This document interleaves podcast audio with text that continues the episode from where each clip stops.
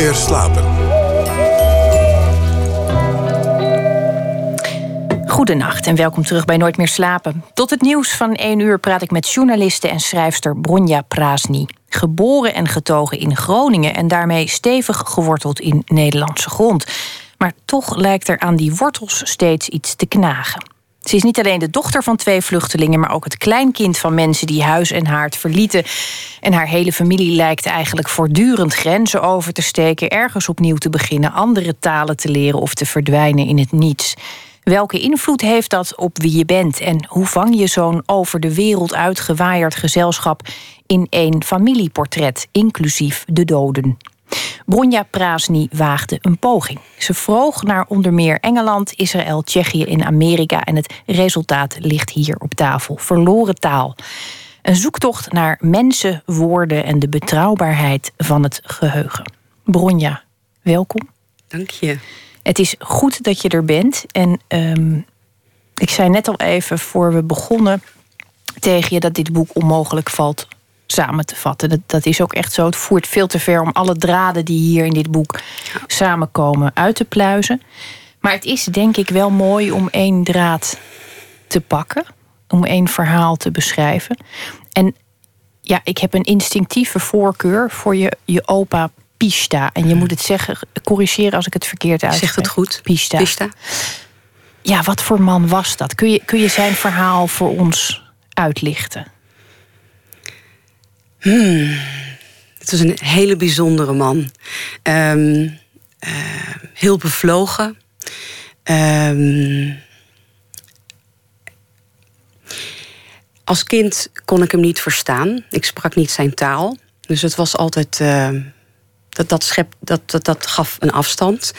Um, ja, hij sprak er een heleboel, hè? Ja. Een stuk of tien. Ja, ja. Maar niet de jouwe. Nee, niet Nederlands. Nee, geen Nederlands sprak hij. Nee.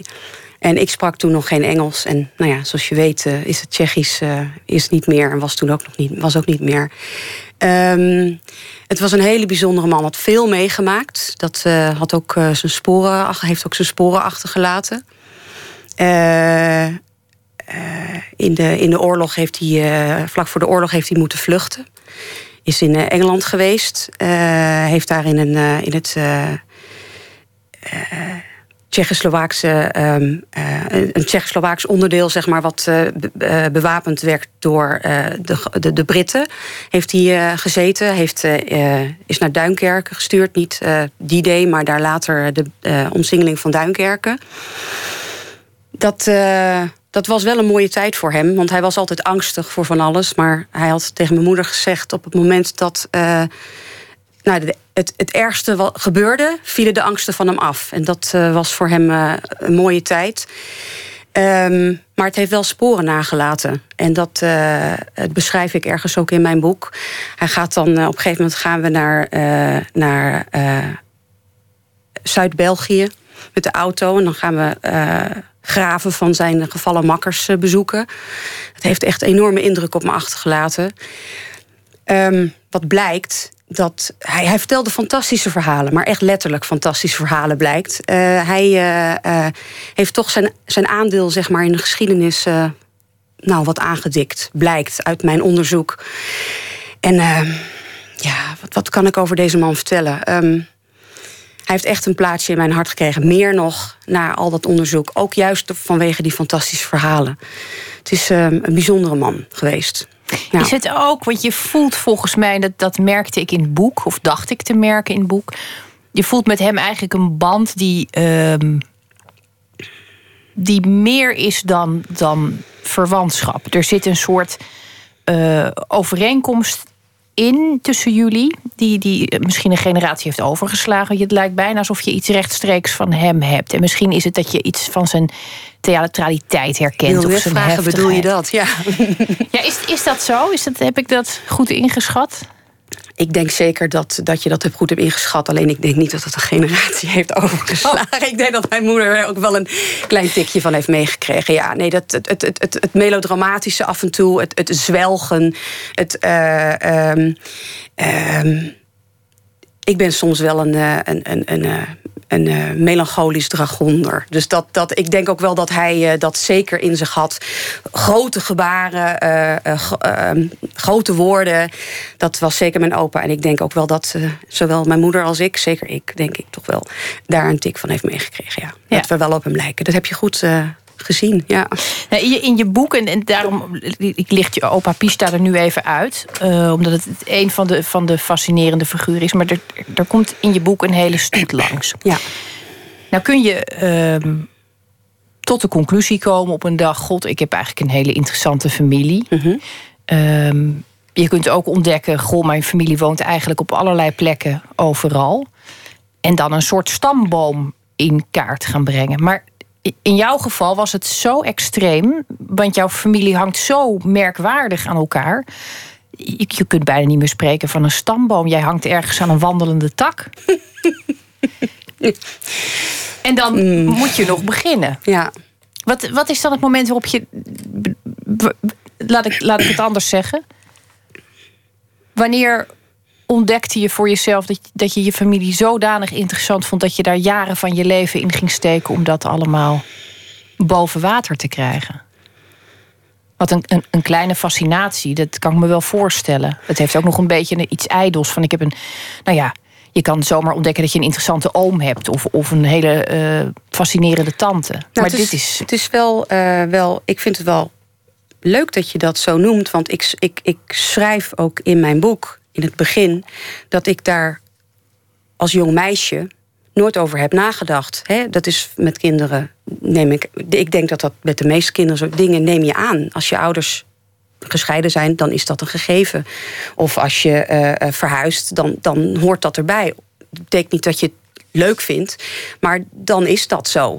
En deze familie was zo. Ik woonde in Groningen met mijn moeder en met mijn stiefvader. En later kwam daar uh, mijn, uh, mijn halfbroertje bij. En dat was de familie. En dan had ik een, een, een gekke opa in, uh, in Londen. Die voor de derde keer getrouwd was met zijn Hongaars vrouw. En dan had ik familie in Tsjechië. Die ik natuurlijk voor de val van de muur.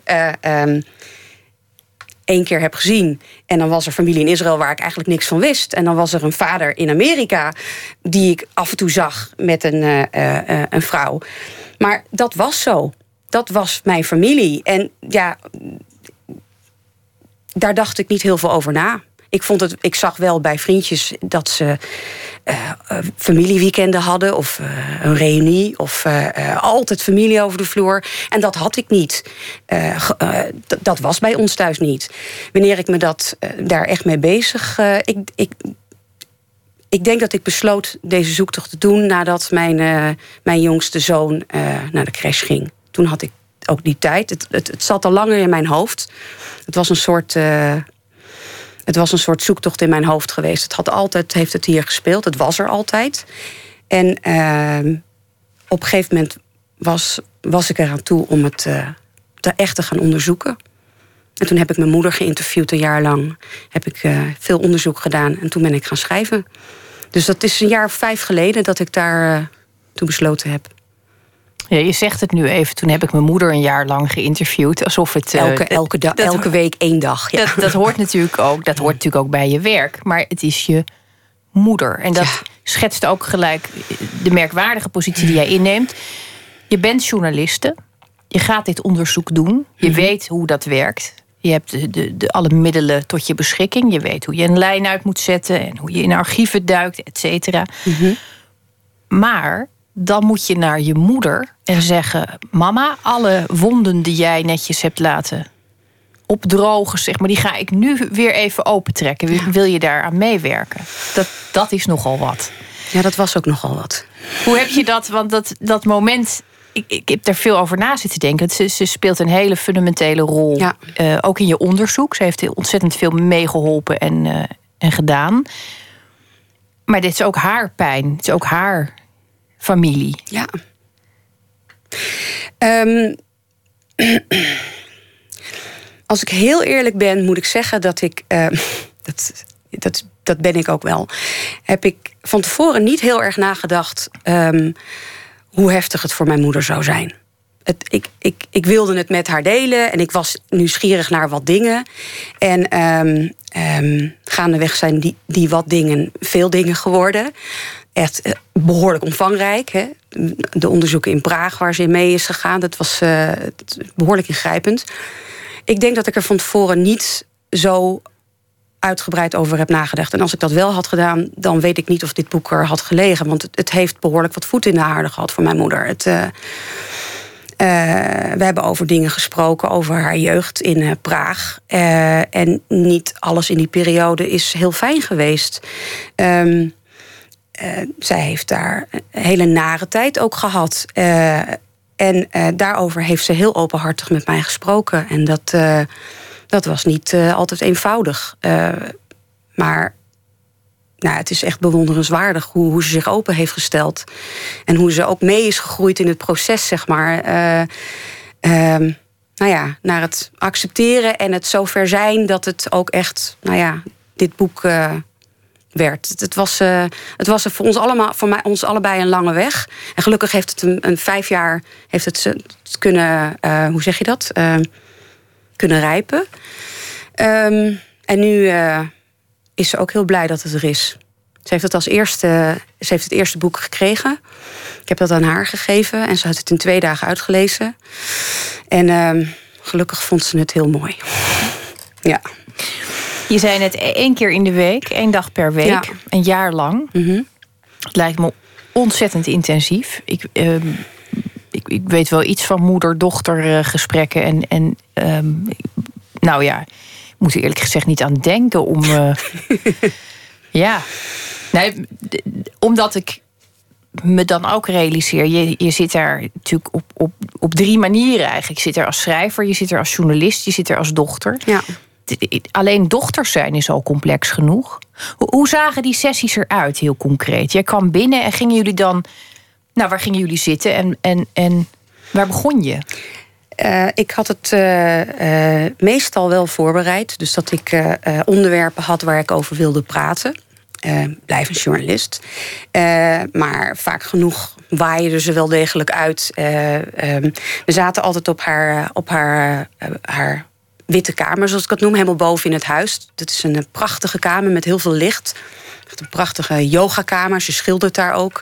En dan zaten we op twee mooie stoelen. En ehm, dan uh, maakte ik aantekeningen en vertelde zij. Uh, ze vertelde mij trouwens gisteren dat ik net zoveel praatte tijdens die gesprekken als zij. Dus het was wel degelijk echt een gesprek. Het was niet alleen maar interviews.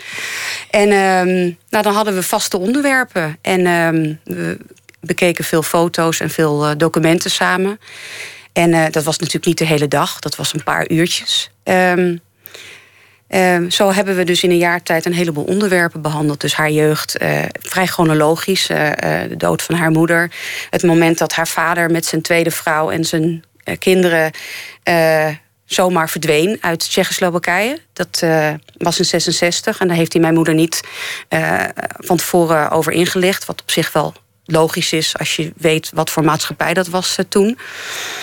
Uh, maar voor een meisje van 18 is dat natuurlijk uh, niet zo fijn als ze thuis komt en daar is niemand meer in dat huis. Um, daarover hebben we gesproken. En de periode daarna dat ze naar in Nederland kwam en dat ik ben geboren. Dus dat is allemaal, hebben we allemaal de revue laten passeren. En dat was inderdaad heel intensief, ja. ja. Wat, wat hoopte je? Want je had de beslissing op een gegeven moment genomen van oké, okay, dit, dit onderwerp fascineert mij zo ontzettend dat ik dit nu ga uitzoeken. Daar stap je in in zo'n project met een bepaalde verwachting. Wat, wat hoopte je eigenlijk dat het zou worden? Waar, waar hoopte je dat het toe zou leiden? Um, ik denk dat daar meerdere antwoorden op mogelijk zijn. Ik denk persoonlijk voor mij um, hoopte ik op um, meer weten, meer duidelijkheid. Uh, je hebt aangegeven inderdaad dat ik uit een niet een atypische familie kom. Het is overal, overal. En um, van al die verschillende uh, familietjes wilde ik meer weten. Uh, um, dus duidelijkheid voor mij. Uh, maar ik was dus van plan om een boek te schrijven. Ik hoopte dat het ook um, dus die zoektocht naar identiteit, die ik in dit boek heb zitten, is mijn persoonlijke zoektocht. Maar ik hoopte ook dat het een toch wel dat universele thema van identiteit ook voor andere ehm, door middel van mijn zoektocht toch duidelijk zou worden. Ik denk dat het een vrij universeel thema is. Hè? Dat je bezig bent met waar je vandaan komt, waar je van afstand. Uh, ook mensen die alle familie hier hebben, pluizen ook, ook hun stamboom uit. We hebben ook fantastische mensen in de familie. Hè? Uh, ome Henk aan tafel, die net iets te veel drinkt en fantastische verhalen heeft. Nou, iedereen heeft wel excentrieke figuren in zijn familie. En ik denk dat ik dat met dit boek ook wel hoopte dat mensen uh, dat uiteindelijk zouden uh, hoe zeg je dat? Herkennen. Dus dat was de. de hoe moet ik dat uitleggen, joh? Het is ingewikkeld. Um, ik hoopte dus voor mezelf duidelijkheid te krijgen uh, over veel vragen die ik had over mijn familie. En ik hoopte met het boek dat uh, andere mensen zouden kunnen begrijpen over nou ja, wat identiteit is en hoe iemand met identiteit worstelt. Had jij die, had jij die worsteling zelf? Ja, absoluut. En, en dat is ook wel de reden dat ik dit ben gestart, dit project. Want het is een hele fundamentele vraag. Wie, uh, niet alleen wie ben ik uh, en waar hoor ik bij. Mm -hmm. Dat is een vraag die je op een gegeven moment allemaal stelt. Maar ook, en dat is ook een uh, belangrijk thema, denk ik, in het boek. Mm -hmm. wie had ik kunnen worden of wat ben ik ooit geweest? Er zit een ehm, prachtige lijn in, want je zoekt niet alleen naar familie. Je zoekt ook naar je taal. Ja. Dat is, uh, je noemde het net al even. Tot je derde sprak je Tsjechisch. Dat is je moedertaal. Ja. Dat is ook de taal waarin je met je moeder sprak. De taal van het gezin, zoals dat toen bestond. Vader, moeder, kindje, noem je het ergens. Die drie-eenheid uh, brak. Je vader verdween, vertrok. En je taal was weg. Of je besloot dat die taal in ieder ik geval. Ik besloot het echt, ja. Dat was mijn keuze, zover je als driejarige zo'n keuze kan maken. Beslissing maar, neemt. Ja. Het is een, dat maak je ook wel voelbaar. Het is een beetje de rode draad geworden in het boek. Het, de honger om die taal terug te krijgen, terug te veroveren. Ook de woede daarover. Er zit een hele verbeten kant aan. Ja. Ik wil verdomme mijn taal terug. Waar is hij gebleven? Ja. Wat ik uh, bijzonder vind, is dat je in het boek. Je, kiest ervoor om. Uh, onder andere met de hulp van een therapeut. te gaan zoeken naar die taal. Waarom was dat zo. zo belangrijk? Um, ik heb.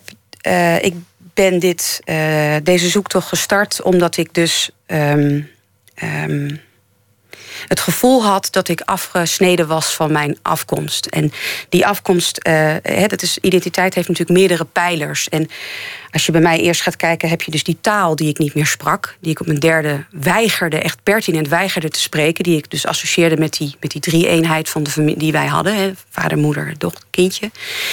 En uh, daar ben ik dus van afgesneden, van die taal. Heb ik zelf gedaan, maar ik ben hem verloren. Ik, ik spreek hem niet meer. Tot op de dag van vandaag niet. Um, dat is één. Uh, ten tweede uh, is daar dan wat ik dan uh, het, het, thuisland noem. Maar dat is natuurlijk niet echt mijn thuisland, want het is het thuisland van mijn ouders. Bovendien is dat thuisland niet meer bestaand. Het is opgeheven. Tsjechoslowakije bestaat niet meer. Bovendien zijn mijn ouders gevlucht uit dat land. En als laatste uh, was daar het ijzeren gordijn. Dus daar was sowieso niet. Uh, en pas later, toen mijn moeder uh, dat allemaal heeft geregeld, ergens in 85, pas toen uh, konden we daar dan weer heen. Dus dat was ook afgesneden letterlijk. Hè? Uh, dus dat is ook een stuk waar ik niet zoveel mee kan. Er zijn genoeg mensen hier in Nederland gekomen, uh, die bijvoorbeeld gastarbeiders, maar die spreken dan nog wel de taal.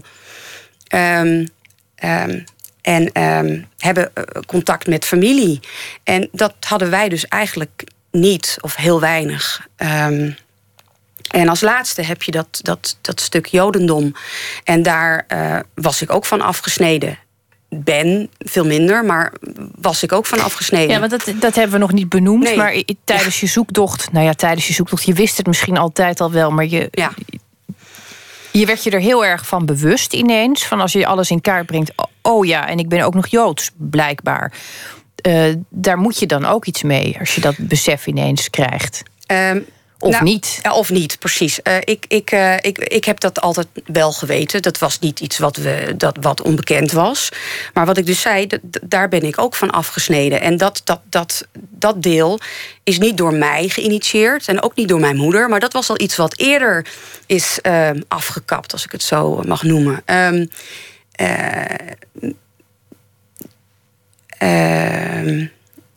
veel Joden uh, stapten af van het geloof, werden seculier. Dat was al voor de oorlog uh, gaande, zeg maar. Dat was al ingezet. Daar kwam dan de Shoah, hè, de Holocaust. Daar is natuurlijk één groot gat.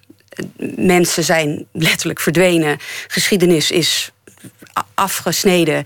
En na de oorlog pakten mensen nou ja, een draad weer op. Um, maar wel anders. Hè? Zoals ik ook in mijn boek beschrijf. Mensen veranderden hun achternaam. Mijn moeder is gedoopt. Uh, zoals mijn opa tegen mijn moeder zei: uh, Je moet uh, als Jood niet boven het maaigas uitkomen. alleen als je echt heel erg goed in iets bent, dan mag je jezelf laten zien. Daar is mijn moeder met dit motto, onder dit motto is mijn moeder grootgebracht. Dit is wat zij meekreeg nou ja, zoals ik het ergens in mijn boek ook noem, Jood verraad je nooit. Dat is, dat is best heftig. Uh, dus de associatie met het Jodendom is niet heel positief. Het is een vrij zwaar gegeven, um, zwart. Um, mijn moeder heeft uh, haar hele jeugd een grote fascinatie gehad voor het Jodendom. Veel lezen, dat heb ik ook gehad. Ik ben niet opgevoed door mijn moeder met zwaar zwart. Uh, uh, Jood verraad je nooit, absoluut niet. Maar wij deden niets met het Jodendom thuis. Niet in religieuze zin. wij aten stampot andijvie met spekjes. en, ehm, maar ook niet in culturele zin. Wij, wij, deden niets aan Joodse feestdagen en wij hadden een kerstboom thuis. En wij hadden cadeautjes van, de kindje, van het kindje Jezus, want dat was wat je in Tsjechië vierde met het kindje Jezus die dat bracht. Nou, um, dus daar was ik ook van afgesneden. En um, dat is alweer wat meer naar het licht met mij gekomen. Um, maar uh, ik, was, ik wilde dat wel uitzoeken. En dat zijn de dingen die ik in mijn boek uh, dus uitzoek. Die drie dingen. Dus ook de taal en het thuisland. Nou, en het Jodendom. Daar heb je de pijlers. Ja. De, die taal, uh, waarom ik dat wil, want dat vroeg je, waarom ik de taal. dat is dat is heel, dat is een beetje een gedevalueerd woord, heel heftig voor mij. Um, het is een soort weemoed, het is een soort gemis. Als ik het Tsjechisch hoorde, dan werd ik heel opstandig. Bijna een soort peutertje. Gebalde vuistjes en ik, ik, vreselijk. Ik ging ook zweten. Dat is een heel naar gevoel als volwassen vrouw om dat te hebben. Dat, dat, is, dat, is, dat hoort niet. Dat is heel onheimisch. Um, ik wilde daarvan af, van dat rotgevoel. Maar ik wilde eigenlijk stiekem mijn taal terug. En uh, in het, ik ben dat, dat die EMDR, want dat was het, en de hypnotherapie ben ik gaan volgen wel in het kader van dit, dit, deze zoektocht. Uh, dat vond ik er echt wel bij horen. Daar wilde ik me aan onderwerpen. Ja, en ik weet niet of het aan de therapeuten heeft gelegen of dat het aan het feit dat het gewoon echt verdwenen is. Maar de taal is niet magisch verschenen. Het was, het was er niet. Dus, ik vond het ook echt wel. Ik vond het hele ongemakkelijke scènes ook. Ja, het waren ook best ongemakkelijke sessies. Ja, maar dat is een, natuurlijk een keuze die je maakt. En dat benoemde ik net al even. Je zit natuurlijk met een dubbelrol in dat boek. Het gaat heel erg over jou, maar het is gelijkertijd ben je ook heel erg journalistiek te werk gegaan. En dat evenwicht is, uh, dat is, dat is best spannend. En ik, op die momenten dat je dus schrijft over je therapeut, had ik bijna een uh, voyeuristische sensatie. Ik dacht, dit, hoor ik dit wel te lezen? Dit is eigenlijk tussen patiënt en therapeut op dat moment. Het zijn, gebeuren ook wel, nou ja, opmerkelijke dingen tijdens die sessies. Laten we het even zo uh, benoemen.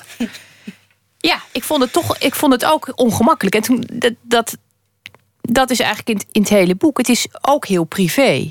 Het, is, het is een zoektocht die gaat over iets wat alle mensen voelen. Waar hoor ik, bij wie hoor ik, mhm. wat krijg ik te zien.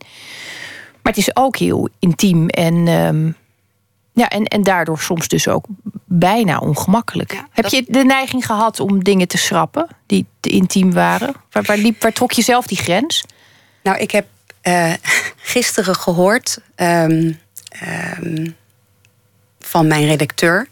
Die heeft uh, een chronologie gemaakt uh, van ons contact, van het eerste contact, van het opsturen van het manuscript tot nu.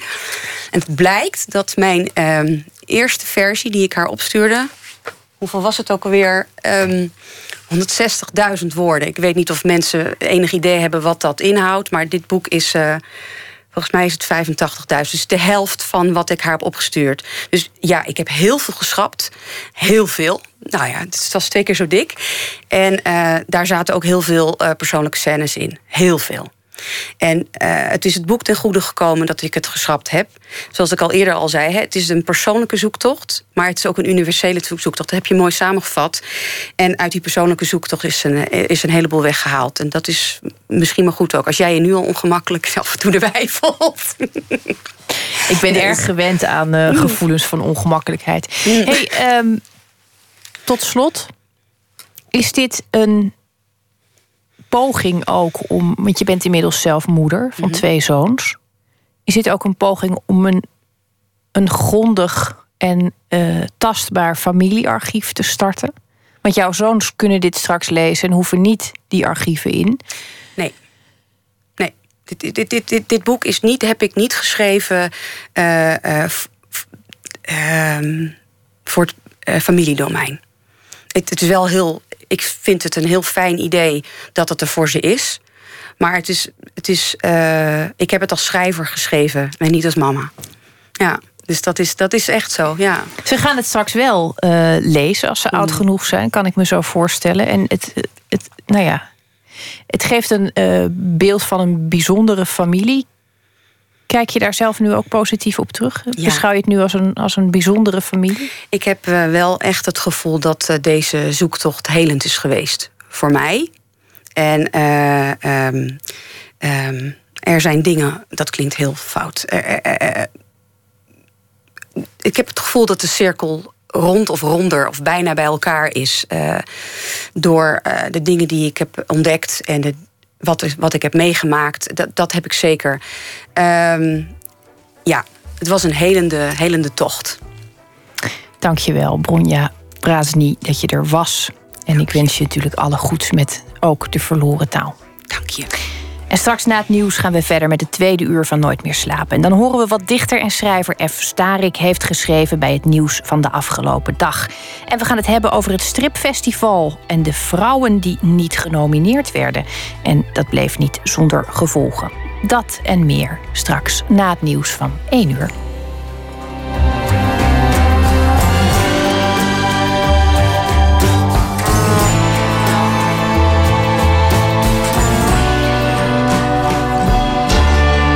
Radio 1, het nieuws van alle kanten.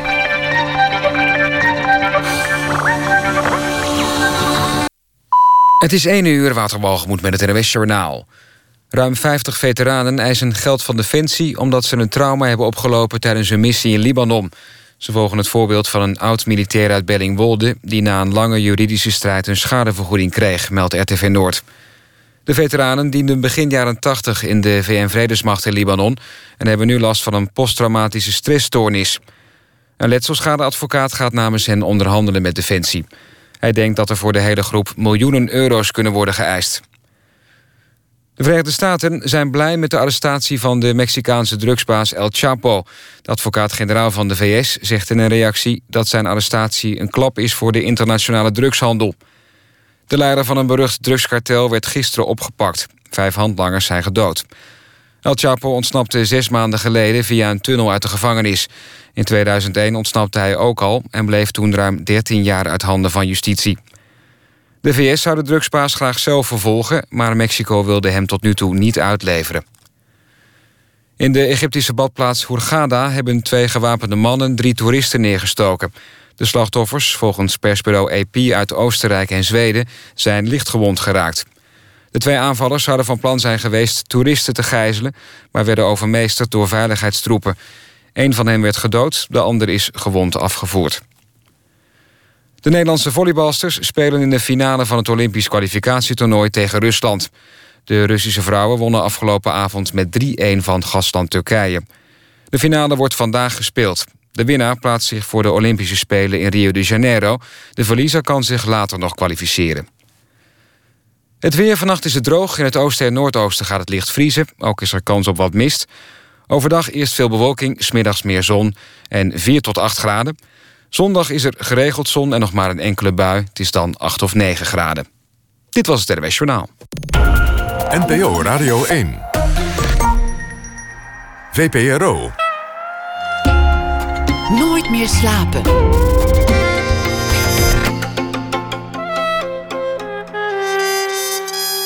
Met Esther Naomi Perquin.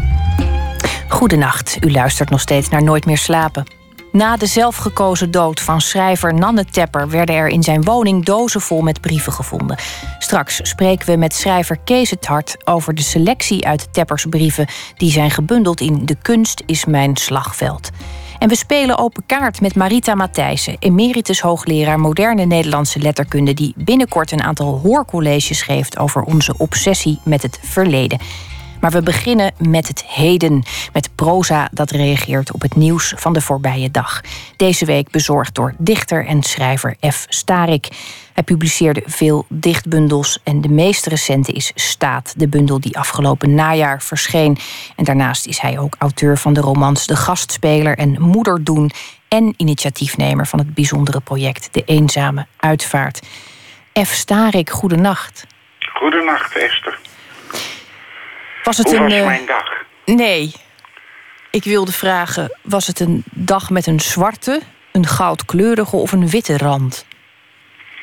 Nee, dat wilde ik helemaal niet Het was vragen. een dag eh, eh, die niet over kleur ging. Ik keek net op van, de, van, van Nanne Teppers dozen vol brieven. Ach. En ik keek vandaag natuurlijk ook op van het feit dat Anouk zwanger is van haar zesde kind. Oh, dat had ik nog even gemist. Dat had je natuurlijk weer gemist. Ja, Ik ben blij dat jij dat even aan mij eh, vertelt. ja van de vierde man. Nou, En ik leef nog altijd in de verwachting dat ik de vijfde man mag eh, wezen. mag zijn. Ja. Ik, eh, ik, ik hoop dat dit langs ondoorgrondelijke wegen bij Anouk zal komen, dit bericht. En dat ze er dan op zijn minst even over na wil Ik denken. weet dat ze luistert. Echt. Wat is uiteindelijk ehm, de, de, de keuze geworden uit al deze opmerkelijke gebeurtenissen? Vrijdag. Vandaag ga ik een gaatje boren. Ik ga een gaatje boren in een muur van de woning die ik ook maar heb gehuurd. Omdat ik deze week iedere nacht een column moet voorlezen, de column waar u nu naar luistert, lig ik ongebruikelijk lang op de bank naar de tv te gluren. En ook naar de muur, hallo muur, waarvoor het toestel geplaatst is. Aan die muur hangt een kunstwerk. Voor het kunstwerk staat een gatenplant. Ik ben in de loop van de week tot de conclusie gekomen dat het kunstwerk 12 centimeter hoger zou moeten hangen en 20 centimeter naar rechts zou moeten opschuiven om helemaal goed tot zijn recht te komen. In de loop van de week heb ik de meeste bladeren van mijn plant al afgeknipt ten einde beter zicht op het kunstwerk te bekomen. Een bezigheid die men ook s'nachts kan verrichten zonder anderen in hun slaap te storen. Dus ga ik vannacht een gaatje boren. In het gaatje zal ik een plug duwen. In de plug zal ik een schroef draaien. Aan de schroef zal ik mijn kunstwerk hangen. Daar hangt het goed. Precies goed. Vanavond lig ik in volmaakte harmonie op de bank te wachten tot de telefoon gaat. Ik de telefoon zal opnemen en u, luisteraar, met mijn geruststellende stemgeluid zal toespreken over de volmaakte wereld waarin ik leef. Ik zal u vertellen van het perfect geplaatste gaatje dat ik heb geboord. En ik zal besluiten met de plechtige verzuchting dat als mijn stem is weggestorven en dat moment nadert, nieuwe bladeren aan de plant zullen gloeien. De dag zal komen dat ze het kunstwerk zullen weghalen van de muur uit de woning dat ik ook maar heb gehuurd. De dag zal komen dat ze mijn ideale gaatje zullen dichtstoppen. Alsof er niets is gebeurd. Alsof er niets is gebeurd. Dat wou ik vandaag met u delen. F. Starik, ik had het... Uh, ik had het niet beter kunnen zeggen. En ook denk ik nu, want ik heb een nieuw huis. Als ik ooit een man nodig heb die een gaatje dan kom ik een dan gaatje boren. Kom jij bij mij een gaatje boren. Dank je wel voor deze week. En ik wens je um, tussen de planten, de kunst en alle apparatuur die jou omringt een hele goede nachtrust. Insgelijks, mevrouw. Al zal het bij u nog even langer moeten duren. Zo is dat. Dag. Dag. Voordat hij in 1963 solo ging, maakte Wilson Pickett als leadzanger deel uit van de Falcons. Daarna bracht hij nog een vijftigtal liedjes uit, waaronder You Just Keep Me Hanging On. En dat kent u misschien wel van de Supremes.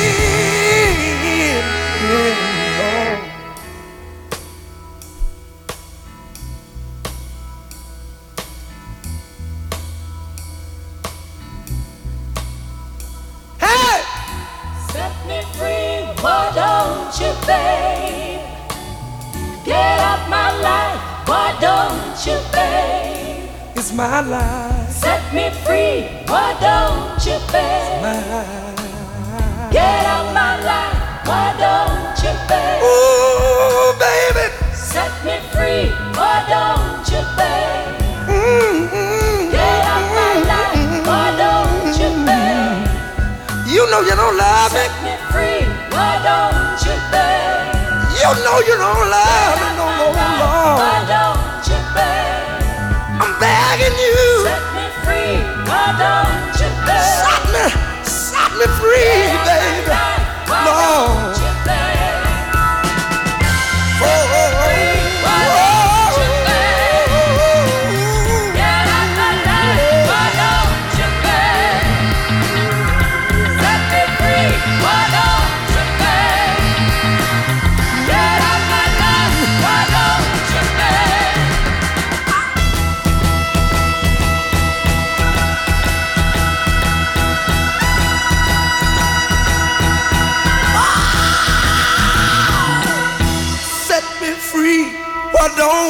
baby.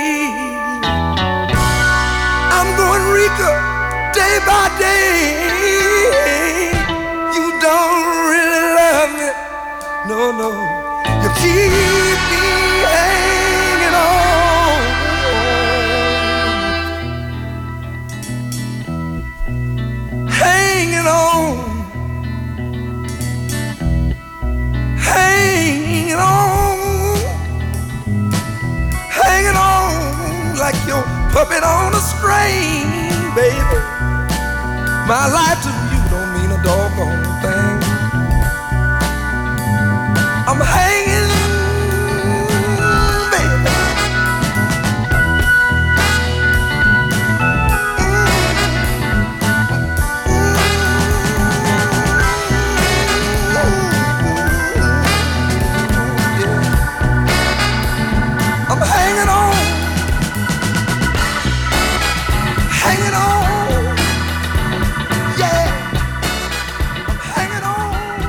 The Wicked Wilson Pickett werd hij wel genoemd. En The Wicked, ja, dat komt natuurlijk omdat je die stem, dat is een en al kwelling, zoete kwelling.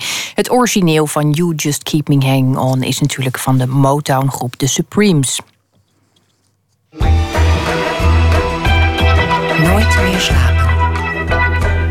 Nanne Tepper was in de jaren 90 een van de grote beloften van de Nederlandse literatuur, maar schreef uiteindelijk nooit zijn vurig gewenste grote roman. Hij werd geplaagd door depressies en maakte drie jaar geleden op 50-jarige leeftijd een einde aan zijn leven. In zijn huis werden kopieën gevonden van duizenden brieven die hij schreef aan onder andere collega-schrijvers en redacteuren van uitgeverijen. Een selectie van die brieven is nu gebundeld in het vuistdikke De kunst is mijn slagveld. Criticus, schrijver en dichter Kees Hart was een van de mensen waar Tepper een briefwisseling mee onderhield. En Emmy Collau sprak hem en maakte dit verhaal over een begin en een einde van een vriendschap. Dit is denk ik zijn eerste brief, omdat het ook een beetje formeel begint. 17 oktober 1995, beste Kees het Hart, begint het mee. Eh, Later werd het beste Kees. De vriendschap tussen Kees het Hart en Nanne Tepper begon met een afwijzingsbrief. Tepper had literair tijdschrift De Reviso een essay gestuurd en de redactie besloot dat niet te plaatsen. Aan het Hart, die in de redactie zat, de taak om hem een briefje te schrijven. Beste Nanne, zo en zo. Tepper reageert op de afwijzing met een schrijven van twee kantjes. Hè, dat, dat begint zo. Nu ik weet om welke reden jullie mijn psychologie van de constructie, zo heet het, zijn eerste hebben afgewezen, kan ik met die afwijzing uitstekend leven. Over smaak valt te twisten. En dan zet hij tussen haakjes. Zo val ik op mijn beurt vaak van mijn stoel van het lachen tijdens het lezen van bijdragen in jullie periodiek. Bijdragen die niet lo- lollig bedoeld zijn. Dus de revisor die kreeg ook gelijk straf van eh, waardeloos blad. Wij hadden daar wel plezier om. De brieven van Tepper bestaan uit geklaag over de literaire wereld, die hij consequent lui letterland noemt, niets ontziend commentaar of zelfs gescheld op collega-schrijvers, waarbij met name Adrie van der Heijden het moet ontgelden, en verder veel gedoe met uitgeverijen, verzuchtingen over gebrek aan geld en zijn slechte gezondheid. Gekanker noemt hij het zelf in zijn brieven. Maar waarom zou je dit dan lezen? vraagt u zich misschien af. Nou, het is superieur gekanker. En bovendien vaak onbedaarlijk grappig. Ik vond ze altijd bijzonder amusant. Ik moest er keihard om lachen en ik had plezier erover. Zo scherp en zo grappig en zo ontroerend. En vertederend. Ja, sorry hoor voor dit soort woorden. Dit gebruik ik toch wel bij hem. Nee, dat ken ik van hem. Die brieven zijn natuurlijk ook, ook min of meer destructief. Dus wat heb je eraan?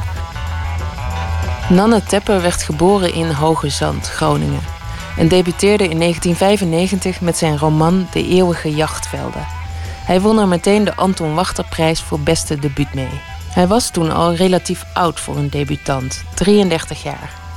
Drie jaar eerder had hij een leven van drank en drugs afgezworen om eindelijk eens serieus aan het werk te gaan. Naar eigen zeggen was hij belachelijk geïnspireerd en verschrikkelijk ambitieus. En hij voelde zich nogal miskend, blijkt uit zijn brieven. Ik, ik begreep het wel. Een aanstormend talent die zich, ondanks zijn succes... want hij had met eeuwige jachtvelden toch groot succes hoor... eh, zich toch miskend voelde. En ja, dat Best sommige schrijvers hebben dat. En hij had dat in, in grote mate. Ik, ik begreep dat heel erg goed. En Nanne had grote verwachtingen van, van literatuur, van zijn literatuur. En er zit ook voortdurend een soort ja, ontroerende naïviteit in zijn brieven. Oprecht menen dat hij ja, toch, nou, eerst de PC-hoofdprijs, maar daarna toch wel de Nobelprijs. Dat is ontroerend, vind ik, vertederend, uh, jammerlijk. Uh, alles door elkaar. En nou ja, ik denk dat dat de schoonheid van die brieven uitmaakt. Schrijver Kees het Hart bewonderde het werk van Tepper vanaf het begin. De eeuwige jachtvelden noemt hij een meesterwerk. Het behandelt een, een taboe onderwerp, maar dat vond ik toch eigenlijk niet zo heel belangrijk. Incest. Dat vond ik nooit zo belangrijk. Maar het behandelt dat op een heel specifieke manier, namelijk, laat ik zeggen, heel intiem en klein. En, maar zogenaamd klein, je moet daar doorheen kijken. Het is, grote literatuur doordat hij het uh, situeert in, in, in, de, in de provincie. En dat hebben wel mensen gezegd.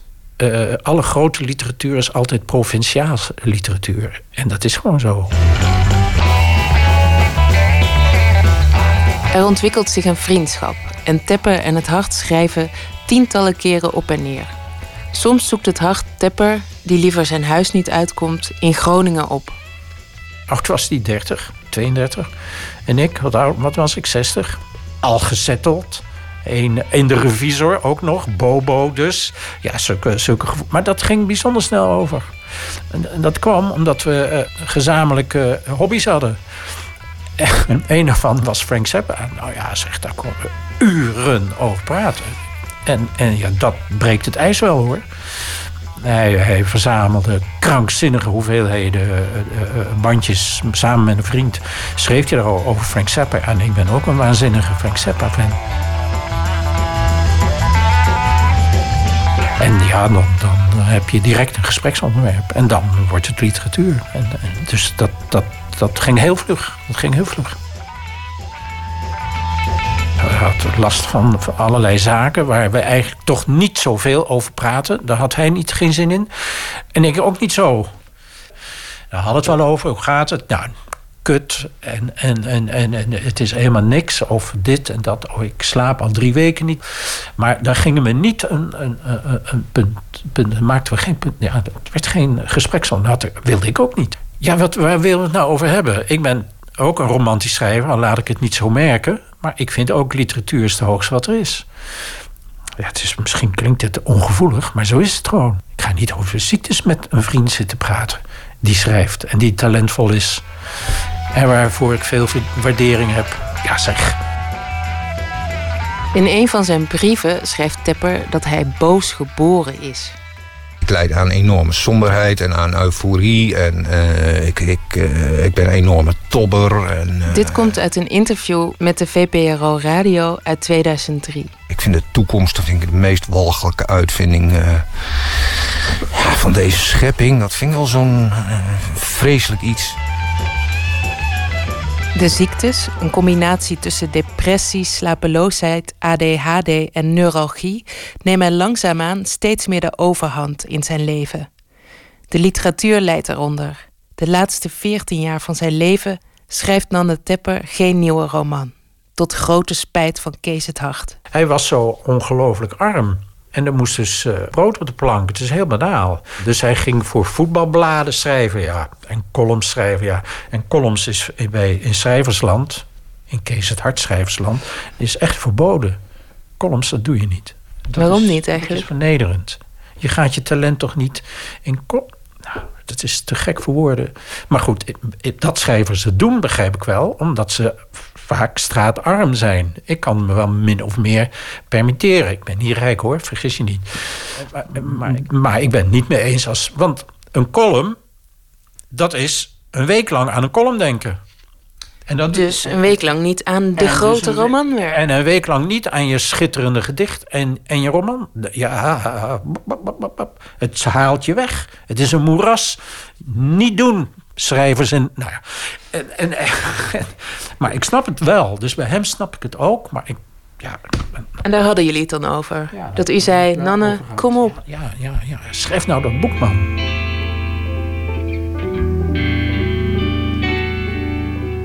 Psychische problemen namen toe. Ik heb daar nooit iets van gemerkt. Ik kon altijd tot het einde van ons contact uh, gewoon met hem praten. En hele gewone ontmoetingen. Rationeel, niks aan de hand. Maar ik begreep wel dat het uh, aan het toenemen was. We hebben geen ruzie gehad. Maar ja, ik ging contact gewoon. Ja, ik heb daar uh, wel schuldgevoel over. Het idee van, ik heb hem toch... Ja, er, was verder niet zoveel, denk ik. Ja, Kees het Hart kan niet andere mensen redden. Zo, zo zit het niet in elkaar. Maar ik heb het toch wel zo wat, wat laten versloffen. En langzamerhand hij ook. En ja, andere, andere prioriteiten.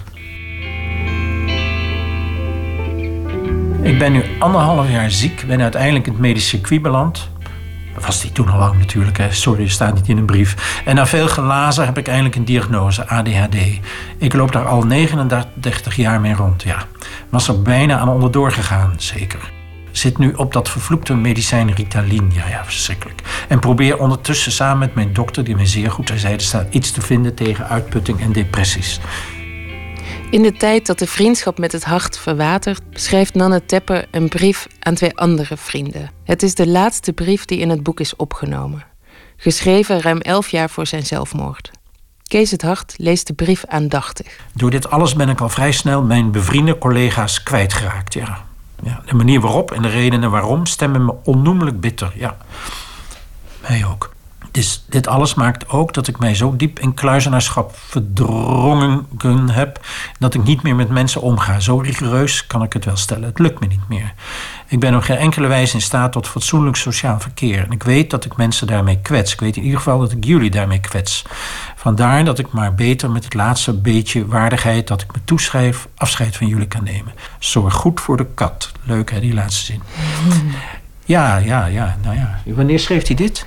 Uh, ja, ruim elf jaar voor zijn zelfverkozen dood. ja, ja, ja. Maar wat vindt u dan als u dit nu zo leest? Ja. Nou ja, het is, het is gewoon waar. Hij, hij, hij, hij raakte mijn, zijn bevriende collega's kwijt erdoor. En die, die zaten daarmee.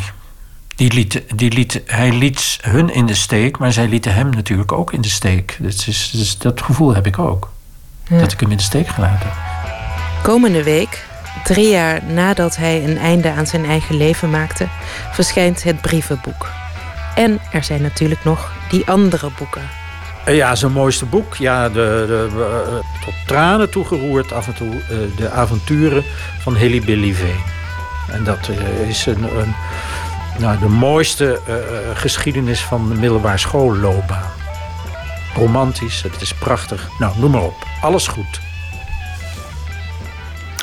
Emmy Collau sprak schrijver, dichter en criticus Kees het Hart. En het brievenboek van Tepper verschijnt volgende week onder de titel De kunst is mijn slagveld. En wie wel ouder werd, terwijl je het eigenlijk niet verwacht. Sommige mensen horen helemaal niet ouder te worden. David Bowie, 69 vandaag. En dat eh, moeten we even vieren natuurlijk. Zijn album is verschenen, Black Star is de titel. En wij draaien het nummer Dollar Days.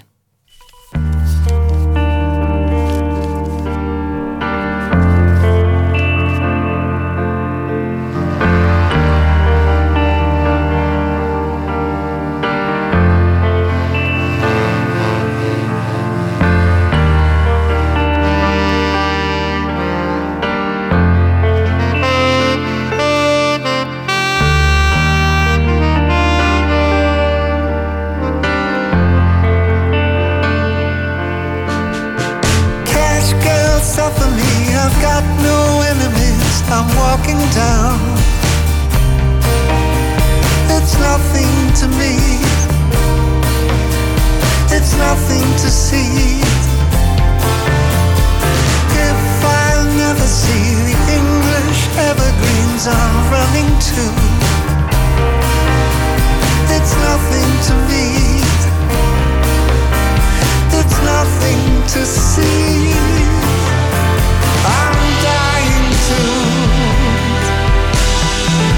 their backs against the grain and fool them all again and again. I'm trying to. We bitches tear our magazines, those oligarchs with foaming mouths call now and then. Don't believe for just one second I'm forgetting you. I'm trying to. I'm dying to. Dollar days, survival sex, honor stretching tails to necks. I'm falling down.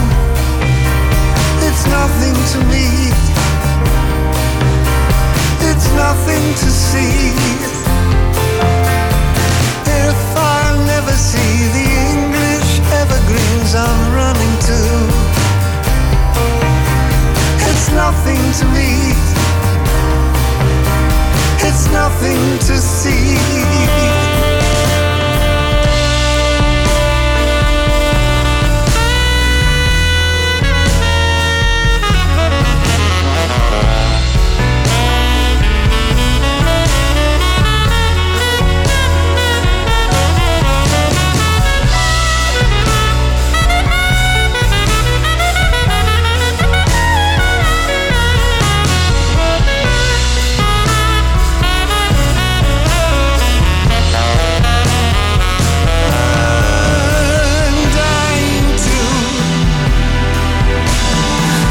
Their backs against the grain and fool them all again and again. I'm trying to. It's all gone wrong. We're all in on the bitter love ends never end. I'm falling down. Don't believe for just one second I'm forgetting you.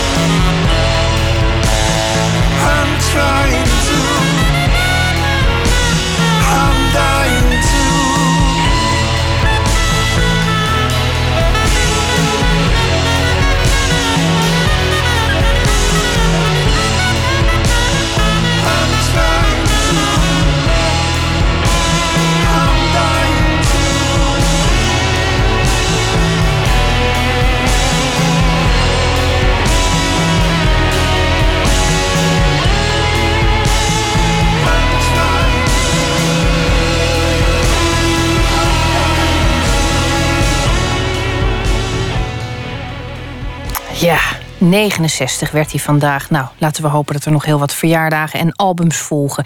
David Bowie en het nummer Dollar Days was dat. Open kaart.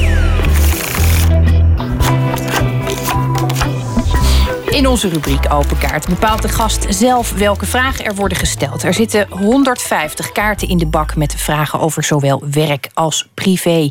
En deze avond doen we dat met Marita Matthijssen, emeritus hoogleraar moderne Nederlandse letterkunde en gespecialiseerd in de 19e eeuw. En over die eeuw schreef ze meerdere boeken, waaronder De Gemaskerde Eeuw over de mentaliteit van de 19e eeuw en meest recent Historiezucht over de honger naar het verleden. Marita, welkom. Dankjewel. Jij gaat binnenkort uh, in de Rode Hoed in Amsterdam... verdeeld over twee avonden een aantal hoorcolleges geven... over de obsessie met het verleden in de 19e eeuw. En ik vond dat een fascinerend onderwerp... omdat ik me eigenlijk nooit gerealiseerd had... dat er een tijdperk is waarin er geen aandacht was voor geschiedenis. En toch lijkt het er wel op. Nou, je moet het zo zien dat er wel aandacht was voor geschiedenis. Want altijd hebben mensen geluisterd naar opa die verhalen vertelde over vroeger. Maar dat het niet met dat deftige woord geïnstitutionaliseerd was. Dat het dus niet een soort. Er was geen lesprogramma, er waren geen boeken, er waren geen hoogleraren geschiedenis, geen leraren geschiedenis, geen bibliotheken waar je de boeken kon lenen. Dus alles wat erbij hoort om geschiedenis op een bepaalde manier te beoefenen, dat was er gewoon niet. Ook musea waar mooie uh, doeken van de geschiedenis hangen, die waren niet openbaar. Het waren alleen op uh, kunstcollecties van koningen, maar niet een museum waar je gewoon een kaartje kon kopen en waar iedereen naar binnen kon gaan. Ook bibliotheken. Dat, uh, dat is echt iets van de late 19e eeuw dat dat er kwam voor iedereen. Maar dus ook lessen, lessen geschiedenis.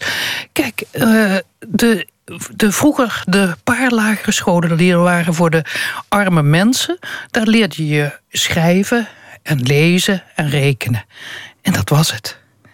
En ja, pas later, toen er echt een programma's kwamen voor de school, toen ook dus echt vanuit de overheid gezegd werd dat er meer moest komen, toen kwamen er ook echt verplichte literatuurlessen, verplichte geschiedenislessen. Je noemde net al even de verhalen van opa. Dat, uh, dat, dat, dat doet me eraan denken. En dat kwam ik tegen um, in, in een van de colleges die je gaat geven. Ga je het hebben over nature nurture. En dat vond ik een hele belangrijke vraag, omdat ik toen ook, toen ik me realiseerde, god, dat was er dus ooit niet voor het grote publiek.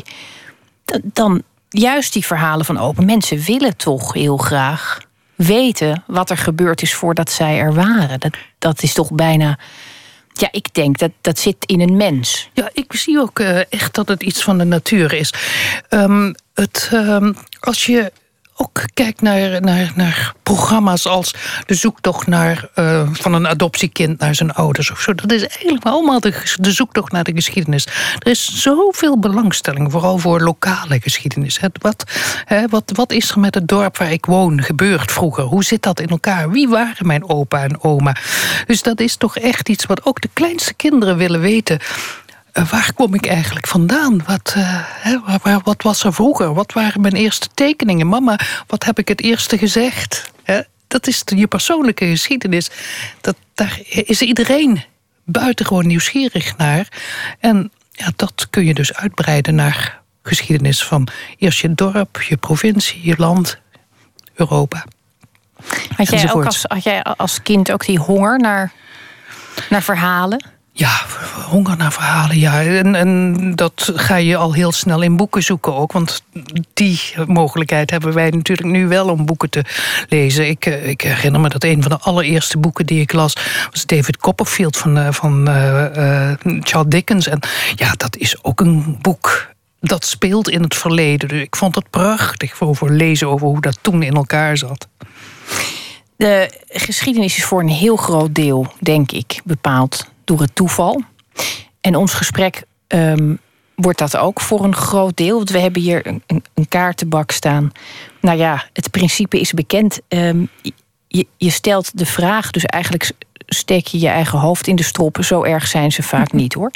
Um, Mag ik je uitnodigen om de eerste kaart te trekken? Heb ik er een bril bij nodig of zijn ze zo groot nee, ze zijn, dat, uh, dat, dat ik ze zo kan lezen? op alle leeftijdscategorieën. Ja, ja. En is er nog een verschil tussen rood en blauw? Jazeker, de een is werk en de ander is privé. Nou, ik begin met privé. Heb je wel eens een cosmetische ingreep ondergaan? Ja, dat is me een vraag. Jazeker. Ik geef het meteen ook toe. Ik heb uh, mijn, mijn ogen uh, een beetje laten uh, verfraaien. Wat heb je ermee laten doen? nou, je hebt van die. omhoog laten ja, trekken. dat, dat boven de ogen als het erg overhangt. Dat, dat heb ik gedaan. Ja, verder nooit, niks. Helemaal niets. Het is allemaal natuur verder wat je ziet. Nou, dat is heerlijk om te weten. En ja, ik vind met ogen ook altijd vind ik dan een hele milde ingreep. Omdat ik altijd vind dat je wel gewoon de wereld in moet kunnen kijken. Ik vind ogen heel belangrijk. Ook um, voor college geven bijvoorbeeld. Je moet open ogen hebben. En, en je moet mensen kunnen aankijken. Dus het, uh, uh, het, het was ook een beetje vanwege het werk, zullen we zeggen. Ja, ben je ooit in verleiding geweest om ook iets anders nog erachteraan nee, te laten niet. doen? Nee, eigenlijk nee. Dat, uh, nee, ik vind uh, uh, over het algemeen het op televisie als mensen met botox-injecties en zo, dat zie je heel snel. Ik vind het mensen, de, mensen de gezichten doodmaken. Ik vind de uitdrukking verstijven. Dus, het, maar desalniettemin, als iemand echt een lelijke neus heeft, dan, dan moet hij dat laten doen. Absoluut. Dat, dat, uh, het kan dus ook een, een, gepaste ingreep in de geschiedenis zijn, zal ik maar zeggen. het, het, kan heel goed uitkomen op een gegeven moment om dat te doen. En ja, natuurlijk als je flaporen hebt en, en je, je, iedereen kijkt daarnaar. Ik heb het wel ook eens bijvoorbeeld aan een, aan een collega aangeraden. Die had zo'n dikke bult op zijn hoofd. Ik zei van, alle, studen, alle studenten kijken naar die bult. Laat die nou toch weghalen. Die heeft het gedaan ook. Het, het leidt, leidt af, af van de inhoud. Het leidt af van de inhoud, ja. Dus, dus cosmetica mag, maar ik vind het bij mezelf nog niet. Uh, uh, of ik vind het ouderdom of. Uh, of nee, dat vind ik niet voldoende reden. Nee.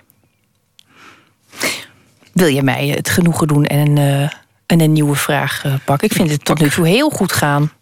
Ja, deze had ik volstrekt niet verwacht. Maar ik kan niet oneerlijk zijn. Ik pak er een voor mijn werk. Uh, wat beschouw je als succes? Ik beschouw als uh, succes als uh, mijn boeken veel gelezen worden en als ze geapprecieerd worden. Als mijn onderwijs zo is dat ik um, mensen zo weet te begeesteren dat zij eigenlijk op ja, die weg die ik gegaan heb ook willen gaan volgen dat zijn eigenlijk de dingen die ik als uh, succes beschouw in het werk. Dus echt dat uh, je onderwijs zo is dat mensen onthouden wat je ze meegegeven hebt. En dus dat meenemen in hun leven. En uh, het andere is, ja, als die boeken die ik schrijf, waar ik toch echt veel, veel, ja, veel energie in stop. Als gezien wordt wat ik ermee wil zeggen. Je werkt nu aan een biografie van Jacob van Lennep. Ja. Het is een heel uh, belangrijke figuur, die toch ook voor heel veel mensen totaal onbekend is gebleven of is geworden, geraakt. Hoeveel jaren werk zit er in zo'n biografie? Kijk, uh, voor het, het, het, directe werk, dat is een paar jaar. Maar je kunt zo'n biografie pas schrijven als je al heel veel gelezen hebt over deze periode. Dus dat, je kunt dat bijna niet in, in uren uit, uh, uittellen. Je kunt zo'n figuur die echt een sleutelfiguur is in een bepaalde tijd... Uh, die, die kun je niet begrijpen als je niet, als, als je niet die tijd al heel goed kent. En dat is een kwestie van jaren. Maar goed, direct onderzoek zit er ook heel veel in. Want hij heeft, heeft duizenden brieven nagelaten. nagelaten en dat, die moet je toch ook lezen. En dat is ook een feest hoor. En, en, en hoe meet je dan het succes van zo'n boek? Want in, in, in studentencontact of als je op de universiteit rondloopt, dan kun je zien wat, wat je teweeg brengt in sommige gevallen. Maar met zo'n boek is toch altijd een steen in het water gooien. En, en maar hopen dat het. Nou, je krijgt natuurlijk uitnodigingen voor lezingen naar aanleiding van boeken vaak. En dan komen mensen op jou af. Ik, ik kom nu net van de verjaardag van de universiteit af. En daar sprak een neurochirurg me aan. En die zei dat hij mijn laatste boek met zoveel plezier gelezen had. Nou ja, dat is weer een opsteker. Een neurochirurg die een boek over de geschiedenis, dat was mijn laatste boek, met plezier gelezen heeft. Nou, Kijk, dan, dan, dan merk je dat het succes heeft. En verder natuurlijk ook een beetje aan de oplagecijfers en of het geciteerd wordt. Wat, wat zegt jou dan meer? Oplagecijfers of één lezer die naar je toe komt en zegt: Goh. Ja, eigenlijk die ene lezer hoor. Dat is veel leuker. Ja. Kijk, die oplagecijfers, ja, natuurlijk is dat ook leuk. Maar uh, het, uh, het zegt niet zoveel over de invloed ervan, eigenlijk. Wil je nog een vraag uh, trekken? Ik ga toch gewoon weer voor uh, privé. Ik vind, je moet het avontuur aandurven.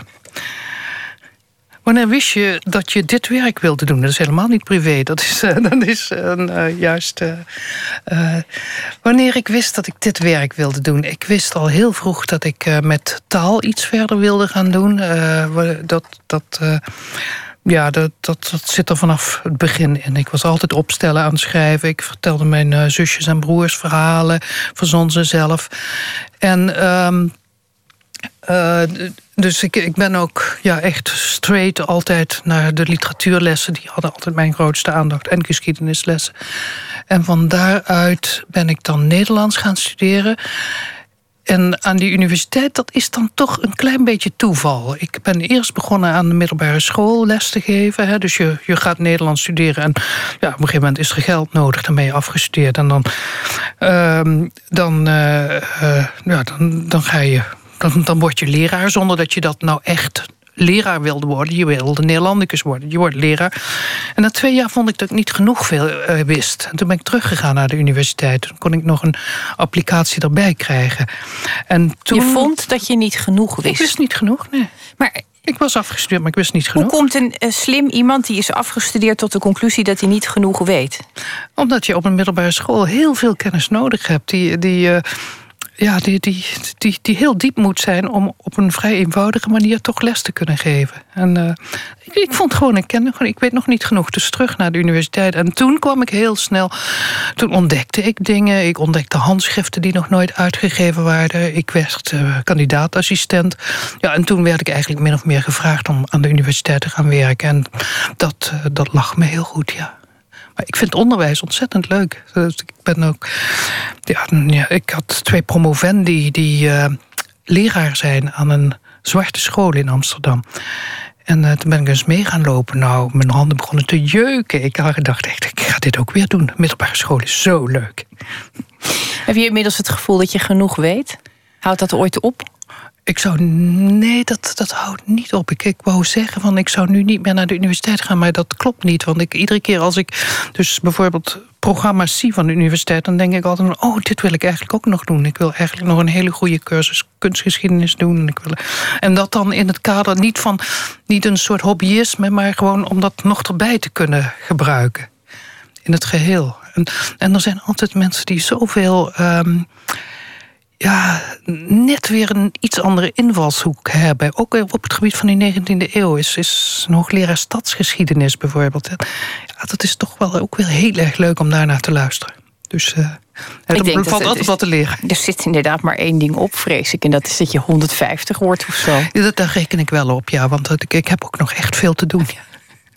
Wat is, uh, als, je, als je nu terugkijkt, wat is dan het waar je het meest tevreden over bent? Wat je heel graag wilde doen en ook echt gedaan hebt? Wat je wel als afgerond kunt beschouwen? Of is dat er helemaal nog niet? Dat is moeilijk om te zeggen. Kijk, er zijn uh, twee boeken waar ik heel erg tevreden over ben, die ik geschreven heb, die ik allebei echt als, uh, als ja, uh, boeken waar je gewoon denkt van zo, zo moet het zijn en, zo, en het hoeft niet anders te zijn. Ik denk dat we de rest dan, uh, dan gewoon moeten bespreken als je wel 150 bent. Dan heb je nog veel meer afgerond. Maar onderwijs zijn ook dingen waar ik echt tevreden over ben. Ik heb een aantal werkgroepen gehad die, uh, die echt uh, heel erg bijzonder waren. Waar je nog steeds heb ik dan ook contact met een paar studenten die daarin gezeten hebben. Dus. Dankjewel Marita voor je komst naar de studio. Dank voor je vraag. En ik vermeld nog even dat de hang naar historie de hoorcolleges van Marita Matthijssen zijn bij te wonen in de Rode Hoed in Amsterdam. En de eerste is aanstaande maandag en de tweede vindt plaats op dinsdag 26 januari. We gaan muziek draaien van de Nieuw-Zeelandse singer-songwriter Nadia Reid. En van haar debuut Listen to Formation, Look for the Signs is dit Track of the Time.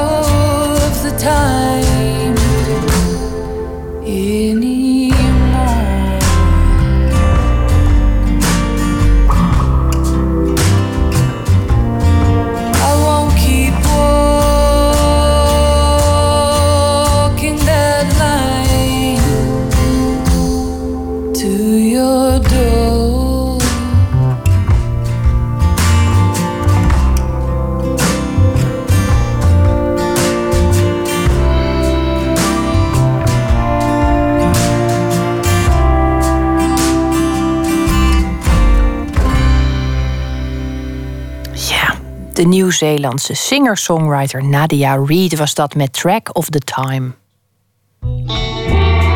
Nooit meer slapen. De stripwereld was de afgelopen dagen in rep en roer. En dat ging over de Grote Prijs. Dat is een prijs voor het beste stripeuvre... die eind januari wordt uitgereikt op het Stripfestival in Angoulême. Het belangrijkste stripfestival ter wereld kan dat worden genoemd. En nachtcorrespondent Adinda Akkermans die weet daar meer van. Adinda, wat is er aan de hand? Goedenacht. Nou, het begon allemaal toen uh, de 30 genomineerden bekend werden gemaakt voor de grote prijs. Want er stond geen enkele vrouw op die lijst. En om het nog erger te maken, verdedigde een van de bestuurders van het festival zich in de Franse krant Le Monde met de zin: De geschiedenis van de strip is wat ze is.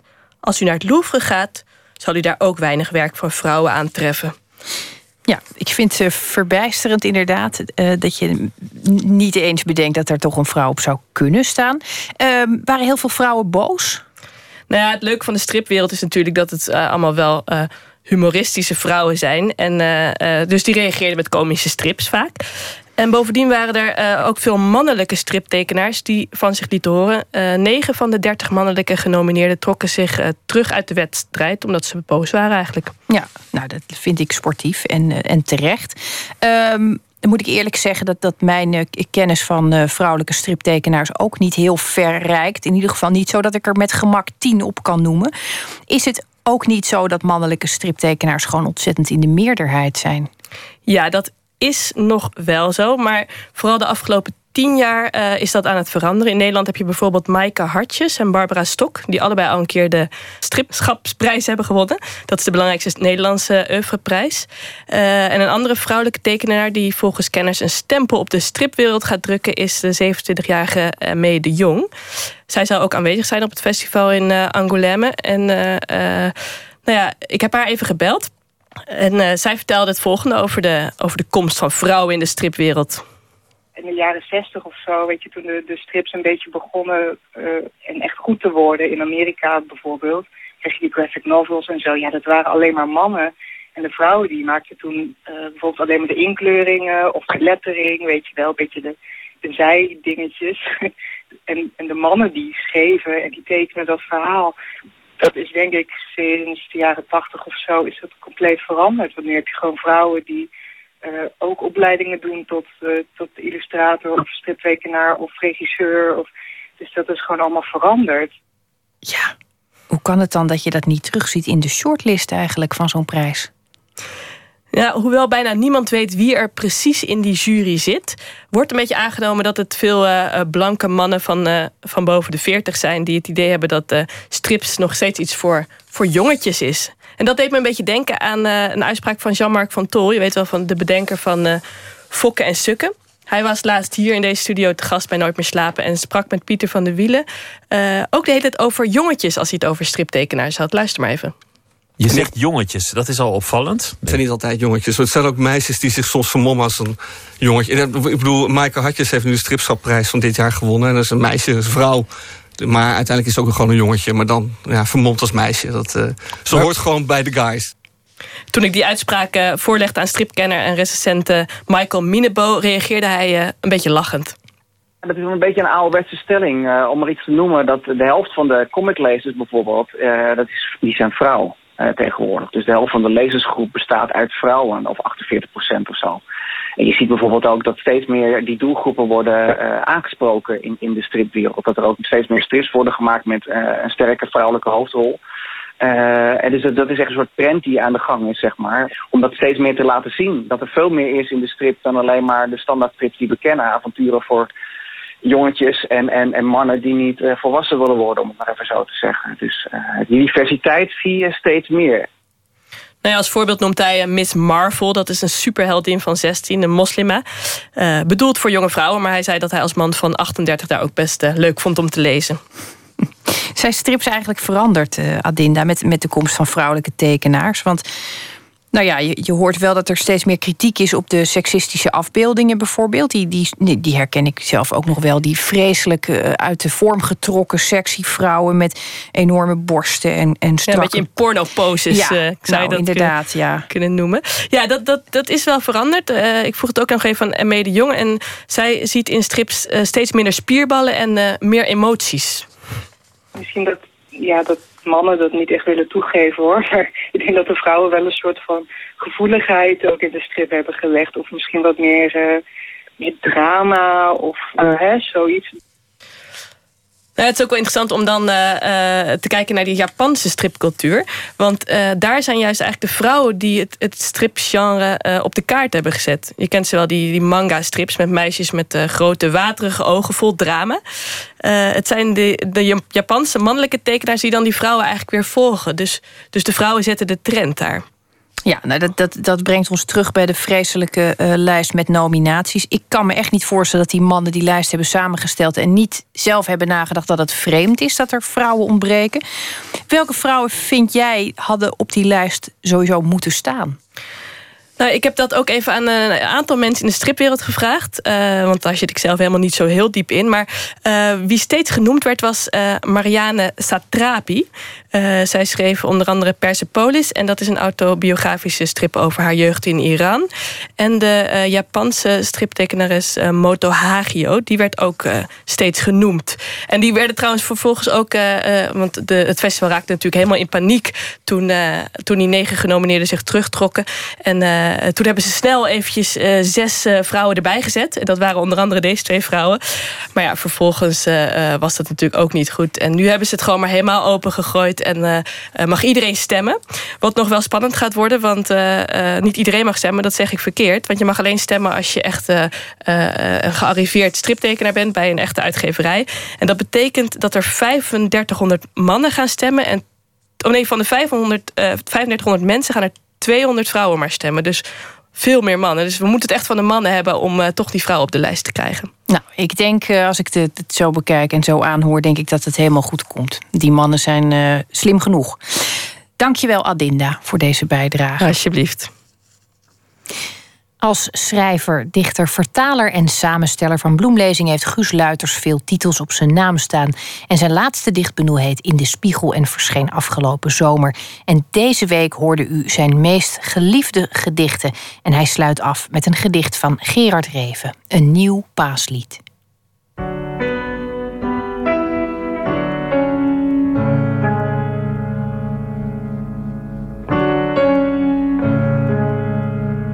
Geert Reven beschouw ik als eh, de grootste schrijver van het Nederlandse taalgebied die ooit geleefd heeft. De avonden, familie Boslowitz, op weg naar het einde, nader tot u. Het zijn onovertroffen boeken waar eigenlijk eh, alles in staat. Boeken die alle andere boeken overbodig maken. En die Gerard, dat bleek ook nog een goede dichter te zijn. Dat gaat niet vaak samen. Romanschrijvers die ook nog fantastische dichters zijn. Ik heb eh, Gerard Reven goed gekend. En toen ik hem ontmoette, had hij net zijn eerste gedicht gepubliceerd.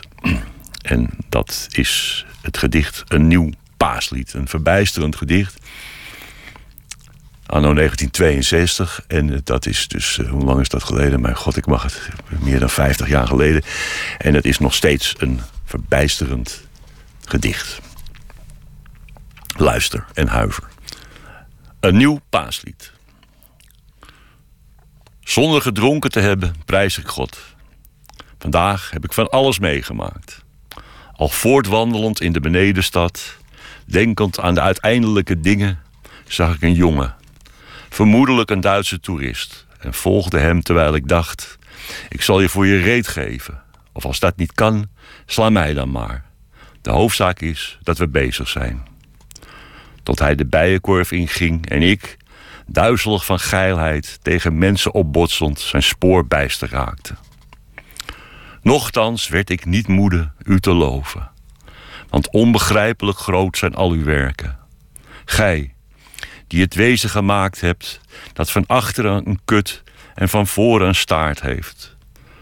Zoals gezegd, ik had niet eens gedronken, maar toch wilde ik u schreiend eren en in tranen voor u knielen.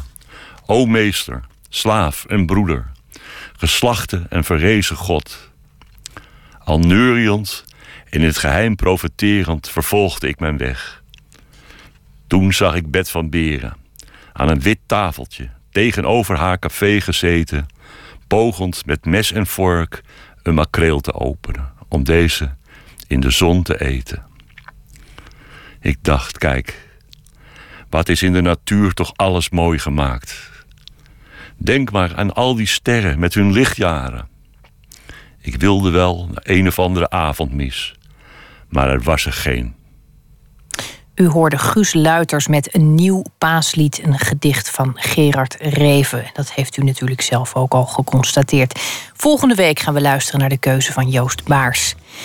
En maandag komt schrijver Daan Heerma van Vos langs. Zijn nieuwe roman De Laatste Oorlog gaat over de vraag: hoe weet je wat voor mens je bent als je nog nooit een oorlog hebt meegemaakt? En singer-songwriter Bertolf komt langs, een van de muzikanten van de gelegenheidsformatie Her Majesty. En die leggen we vragen voor in de rubriek Open Kaart. Dat onder meer maandag, dan is Pieter van de Wielen er weer. En straks kunt u luisteren naar Woord, dat in het teken staat van het lange interview. En daar komen prachtige dingen langs met onder andere Ellen Dekwits, Dennis Wening en Joris Luijendijk. En ik wens u voor nu een hele mooie nacht.